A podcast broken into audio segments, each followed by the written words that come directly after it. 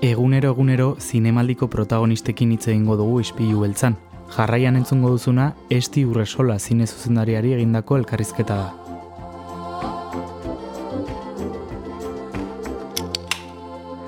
Ez da bakarrik presentzia horrek edo kutsadura horrek e, pertsonen osasunarengan sortu dezakenaren inguruko historia, baizik eta baita ere, gizarte ehundura horren osasunean ere sortu dezakenaren inguruko hausnarketa. da, nola ere kaltetua eta zatitua ikus dezakegun horren eraginez. Ispilu beltza. Donostiako kulturaren berri, Oier Arantzabal eta Kristina Tapia Buizirekin musika ederrarekin hasi dugu saioa eta hementxe gaude hemen egin dugu gure gure kabaina, gure lekua, gure maila okupatua e, kursalean. Eta Chris e, beti bezala ja etxean bezala, ez, hemen? Bai, etxean bezala gaude, eta bizkor etorri behar gara goizetan, eh? maia harrapatzeko zentxufeak behar ditugu, eta entxufe dituzten maiek dire kotizatuenak. Hori da, eta bueno, lortu dugu, eh? Lortu dugu orain arte. Momentuz bai, orain arte bai. lortu dugu. Egun batzuk gelditzen dira, ea bizkorri izaten, bizkorrak izaten garen. Hori da, eta kafea ere hemen doan daukagu, beraz, e, gasolinarik etzaigu falta. Etzaigu falta gasolinarik, zinema egiteko, Eta gorkoan gonbidatu oso berezi batekin. Bai, esti urresola daukagu hemen gurekin, mailan, e, kuerdas e, filma ikusteko aukera daukagu egunotan zinemaldian zabaltegi eta bakalera sailean, kansetik pasatzen, izugarrizko arrakastarekin, eta, bueno, hemen daukagu, egun honesti zer modu zaude? Oso ondo, eskerrik asko. Bueno, kontatu iguzu, e, batzuk ikusi dugu zure lana, beste batzuk oraindik ez dute ikusi, zer da film honetan azaltzen duzuna? Bueno, ba, saiatu zen naiz, hainbat geruza lantzen, ze bai iruditzen zait gai komplexua dela, eta eta hasieratik beldur nintzen laburmetrai batean, ba, eskaz edo hankamotz geratzearena, ez? Eta orduan, ba, bueno, ze dena ardazten du ritaren pertsonaiak, ez? Laro maika urteko emakume bat.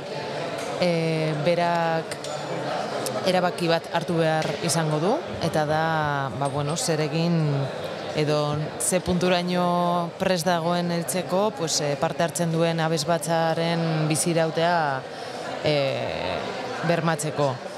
Abesbatza honek e, diru falta du, ez? Galdu du e, diru laguntza bat e, udalarena eta orduan e, lokalik gabe geratzeko arriskoa da, arriskuan daude eta orduan ba, patrozinio bat etzen zaie patrozinio baterako aukera, eta bueno, hor sortzen da zalantza taldearen baitan, eta batzuk daude pas, e, en, mm, patrozinio honen jatorria, hau da, enpresa horren e, dirua onartzearen alde, eta beste batzuk e, kontra. Eta hor sortzen da eztabaida hori, eta bueno, e, Rita mm, e, pertsona hau erdian dago, baina aldi berean badauka bere bizipen propioa etxean, ez? Atentzio ditzen dute gauzaskok filmean, e, historia kontatzeko moduak ere, eh, nola bait, baina aktoreek ere bai, ez da? E, bai. Nolako aktorea, ze aktore txarrak, nola egin duzu kastina, nola lortu duzu... Batez ere Rita, nola lortu duzu, bueno, ba. gainontzekoak ere bai, baina... Bai, denak dira, kontua da e, errealitatean oinarritutako historio bat dela, ez? Eta orduan heldu zen momentu bat, non erabaki behar nuen, eta aldi berean fikzioa oso idatzitakoa da eta oso modu zehatzean e, egin nahi nuen. Orduan hor benetan zalantza izan nuen. Igual benetazko aktorekin egin beharko nuke, ez? Bermatzeko augustia egiteko gai izango direla, ze mhm. oso, mm. bueno, hogeita bederatzi minutu dira, baina oso kondensatuta dago bai. informazio asko, orduan, Baina aldi berean, e, benetazko pertsonekin egiteak, pues, e, ematen zidan, emango lidake, e, pues, aut, egiaskotasun hori, ez? Mm. Eta da brutala. Eta orduan, ba, bueno, e, sartu ni, elkarrezketa prozesu horretan, joan nintzen ezagutzen emakume asko, eta behin batzuek esan ziaten jobos. Han badaude ere San Fuentesen dago e, abesbatza bat, pues, e, hain zuzen erabaki honetatik pasa behar izan dena, eta baita ere e, muskizen zegoen emakume antxarki talde bat. Mm Eta baita ere, osea, azkenean elkarte guzti horiek, eson alde horretan daudenak, mm, eskainiak izan dira olako e, diru laguntzekin, orduan denek ezagutzen zuten errealitate hori, eta denek mm, maila batean edo bestean e, bizi izan zuten olako Mm. eztabaida bat. Eta orduan gerturatu nintzaienean e, aurkestera pues, zeintzen nire asmoa, zergatik nahi nuen hau kontatu, eta hasiera batean bereziki abesbatzako taldearekin nahiek esan ziate, baina gu ez gara aktoresak, gu hori ezin dugu egin, eta eta kasi kasi modu natural batean hasi ziren beraiek e, nik idatzitan neukan eztabaida berdina sortzen, bir sortzen, ez gar guk ezin dugu hori egin, ze gainera, bueno, ze gainera zu alde zaude, baina nik kontra, baina euskez, ja, pentsa, azkenean, iaz, ere, eta, karo, hasi ziren, eta esan nien eskia, ezue, hau besterik ez dut nahi, osea, ez dut eh, aktoresa lanarik, eh, osea, hau, errealidade hau, eh, Ez da bai da hori, ez? Bai, bai. Ari ziren benetazko papera interpretatzen, ez? Bere egoeratik, e, bere egoera hori izan delako. Eta Bai. nabaritzen da, eh? Nik uste eh, lortu dala benetakotasun bat, ez? Lortu duzula pantailan. Ez du ematen eh, aktoreak direnik, ez direlako aktoreak, ez? Edo, Batzuk ez dira, gero badira beste Bai, batzuk, bai. eh, ba, semea eta Bai. hilo, eta biloba eta bueno, beste zenbait eh, bigarren kakotxen artean mailako pertsonaieak eh, interpretatzeko aktore profesionalak era, eh, izan ditut eta oso beharrezkoak ere historia aurrera Bai. mugiarazteko aukera ematen ziaterako.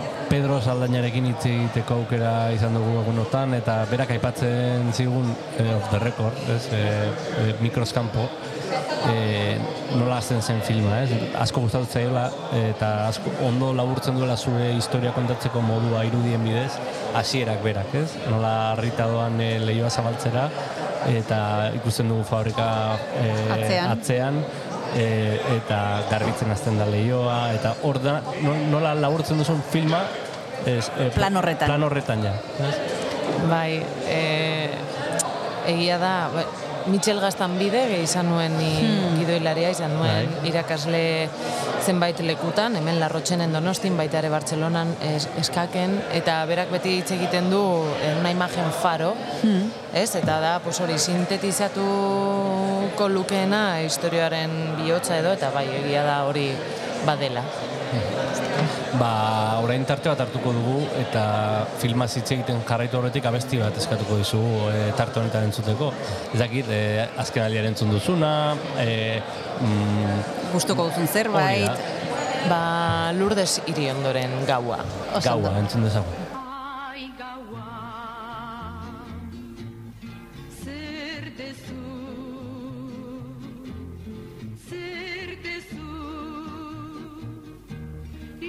Isiltasunean Triste jartzen dezu bihotza Iluntzen diguzu gogoa Bakardatea. Aizeak negar egiten du itxasoa mutu gelditzen da zu etortzean ai gaua zer dezu zer dezu isiltasunean zuk oroi arazten nauzu gu bizi geran mundu hau ere iluna dala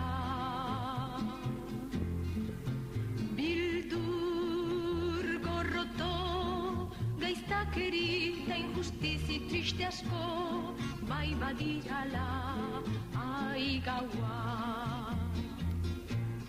Zer dezu zer dezu isiltasunean. Baina gauez amets egiten de bihar goizez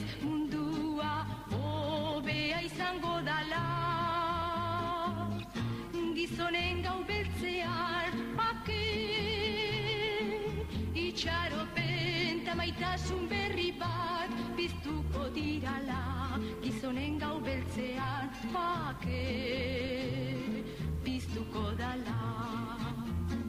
Gauean isil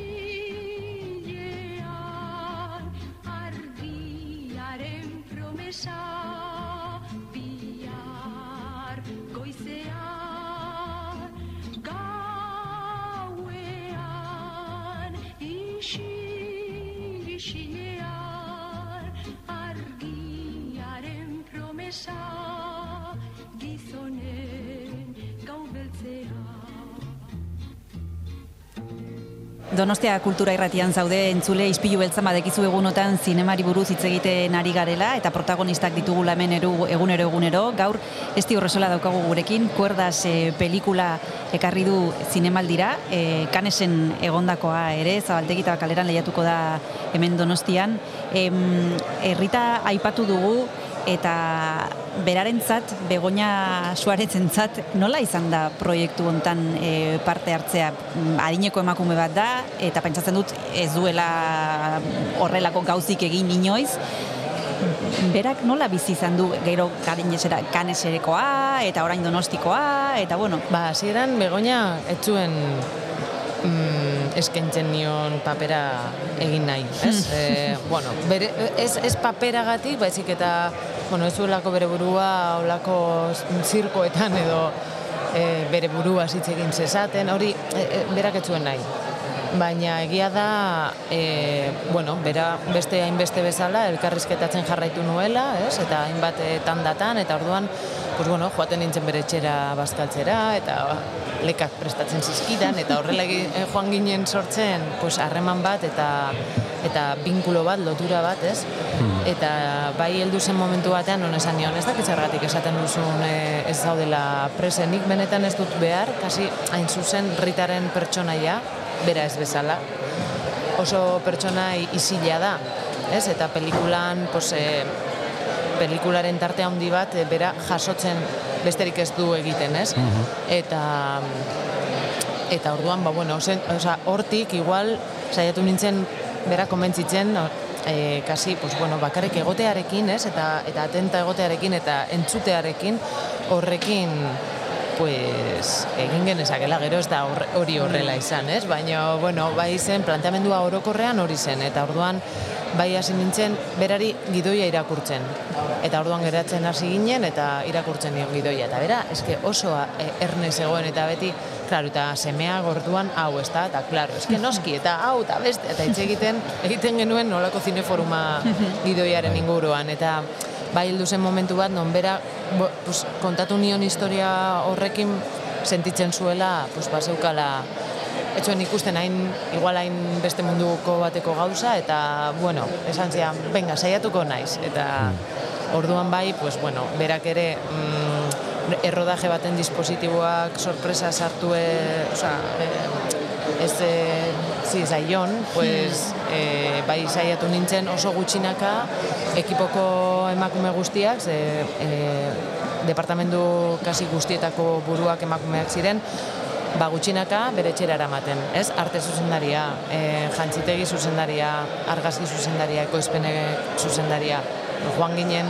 meriendak antolatzen eta eta gero ba, bere ja joan zen ikusten mm, geroz eta jende gehiago zegoela, baina ja pau, gutxinaka. Eta gero, pues bueno, ja sartu ziren ensaio koralak, ez? Non bera gehi beste emakume guztiekin lan egiten bueno, ha- hasi behar ginen eta bueno, oso graduala izan zen, egia esan aurreprodukzioa akorto baterako pues, eh, oso denbora asko hartu zuen, pues, hain zuzen ez profesionalekin lan egiteak horre keskatzen duelako. Eta igual hiru hilabete bat edo, osea, buru belarri hiru hilabete eguneroko aurreprodukzio lan eh, intenso bat izan zen, han muski zen. lan izugarria dago atzean beraz. En, oso presente dago en, fabrika, eh?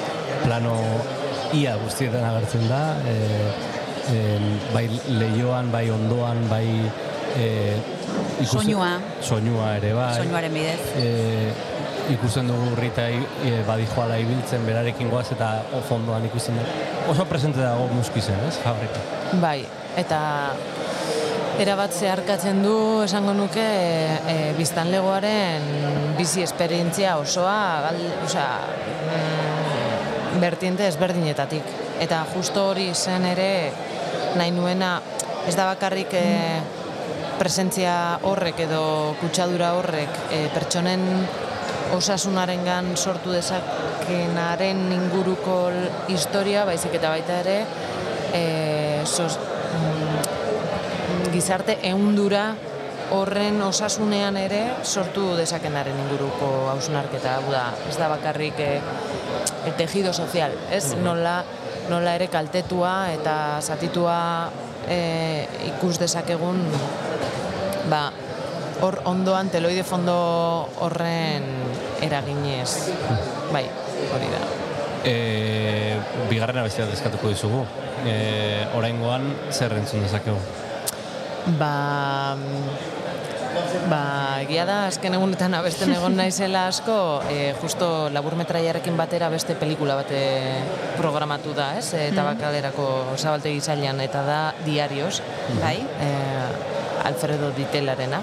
Eta, mm, bueno, kasi-kasi bukaeran, e, badago sekuentzia bat e, nire labur metraiaren kasi-kasi bukaeraren kasi simetrikoa dena, eta orduan, bai, e, la revolución de los claveles e, Portugaleko iraultza ba, azteko lako kode klabe bat, gako bat izan zena, la canción de mm, Vila Morelia, uste dut, ez?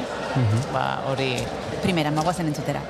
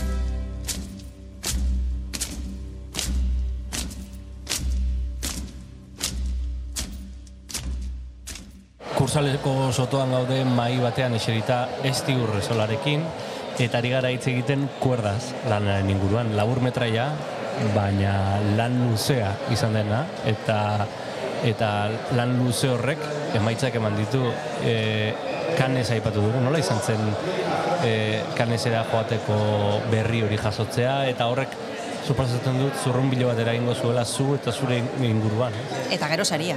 Eta saria, noski. Bai, e, itzela izan zen. Egia da, gainera ni- nire kasuan nola pelikularen aurre produkzio bete-betean harrapatu ninduen, Osa, neukan burua kasi estanda egiteko eta eta bizi izan nuen eta orain hasi naiz igual kontziente egiten, ez? E, bizi izandako guztiak. Baina guretzako denontzako, bai lantalde teknikoarentzako, baina are gehiago emakume hauentzako izan da ez usteko sorpresarik ederrena. Haiek eh, eta bueno, hori izan da ere laburmetraia egiteko gura badago, osea, gura horren oinarrian badago ere realitate horri ba leku bat eta bueno, zabaltzeko aukera matea, ez? Mm. Zinemak ere horretarako balio du eta pues holako eskaparate mundu mailako eskaparaterik handienera heldu izatea, pues oso oso unkigarria izan zen. E, antolatu genuen haiekin bizipen hau partekatzeko ere, pues antolatu genuen Arabako aldundiari esker, ze haiek eh, pues bidaitxo hau horrela egiteko dirutxo bat ere eman ziguten eta asko eskertu nahi nien, ba, autobus txiki bat. Eta sartu genuen abesbatzako emakume asko, eta orduan eraman genituen dena karakanesera, eta haiekin bizitzea, bor, baita lurra eman zigun, ez? Ez, eh, ez kaneseko eskenatoki Bai. batean, bai, baino haiekin eta pues, jakinda nondik gatozen eta zeintzuekin, Eta saria. eta gero saria eramatea, ba, bai, ze da bertako zinefiloen eh, Bai. elkarte batek ematen duen, pues, konsideratu daiteke nolabait publikoaren saria, Bai. mm, bereziena. eta eta haiek bai, eh, eman ziguten Publikoa aipatu duzu, esti, e, gu ere bagara publikoa, pila bat gustatu zaigu, baina pentsatzen dut egunotan ere ikusiko zenutula, ba, pertsonak, ez, kalekoak, e, esan dizutena zerbait, zure lanaren inguruan, ez dakit ze, zer ari zaren jasotzen, eta nola mm, egiten duzun horren digestioa. Ba, oso polita izaten ari da. Ze, gainera hori, etxe, etxeko jaialdi bat izan da, pues, adibidez, muskizko biztanlego asko etorri da, eta karo, euren mm, buelta, euren iritziak oso importanteak dira niretzako, eta oso onkigarria izan da haiekin hitz egitea. Bestetik, lantalde, bueno, jende asko eta eta oso politak izaten ari dira jasotzen ari garen e, iritziak. Hori beti indarra ematen dizu ez, beste olako planteamendu soro batean sartzeko kasi gogoak eh, ematen dizkizuna, eh?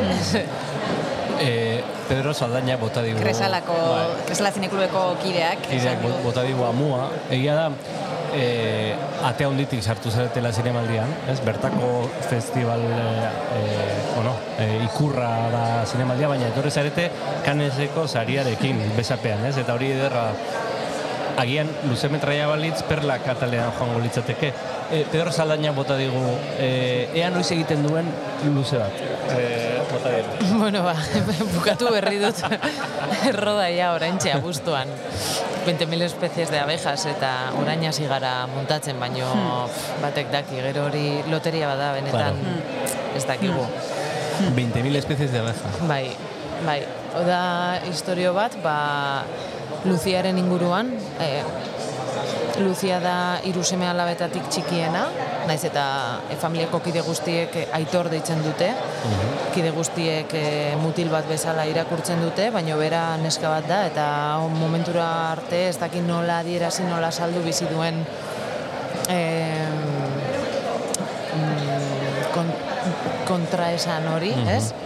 Ze ez daki posible ote den edo ez, bera horrela sentitzea, eta bueno, uda honetan, uda honen baitan, ba, ba, lortuko du ditu erramintak edo behintzak indarra, ba, bere familiari e, zein den adierazteko bai, ez dakit non- hasi dudan esaldia, eta orduan ez dakit nola bukatu, baino kontua da hori, ez? E, adieraziko diola familiari zein den benetan, eta azkenean historiaren, osea, edo nire gura izan da, e, olako identidadearen adierazpen batek nola gainontzekoen identidadeetan ere nola eragin dezakeen, ez? Eta ze, azkenean familia denoi gure identitatearen eraikuntza prozesuan bestearen begiradak Mm. e, ikaragarri e, eragiten digun zerbait da, ispiluen kontu bat da hor, eta familiaren baitan e, hartzen ditu bere errorik e, sakonenak, eta orduan pues, bai asaldu edo adierazina izan dudala familia, familiaren baitako e, transformatze kolektibo prozesu bat, nola bait. Bueno, ba, horren zain egongo Horren gara, zain ez di? Bai, bai. e, Eta, eta Espero bueno, dugu hemen ikustea, edo beste non baiten, e, ba, bueno, gu ere kanesera joteko preste, oier? Dudarik gabe. Edo Berlinera, edo Veneziara. Abaita ni ere, eh? Prest nengoke ere. ondo ba, elkarrekin joango gara. Eh, azteko gure telefonoa ez, eh, ez ezabatu zure zerrendatik, gero ezaguna zarenean ere, ba, guk eh, deitu alizateko. Noski baietz. Ezagunagoa edo, ja, eh? eh Eskerrik asko. Disfrutatu pila bat, Bai. kuerdasekin, Bai. eta, eta sorte hon urrengo proiektuetan. Esker, Eskerrik asko. zuei, esartea bat.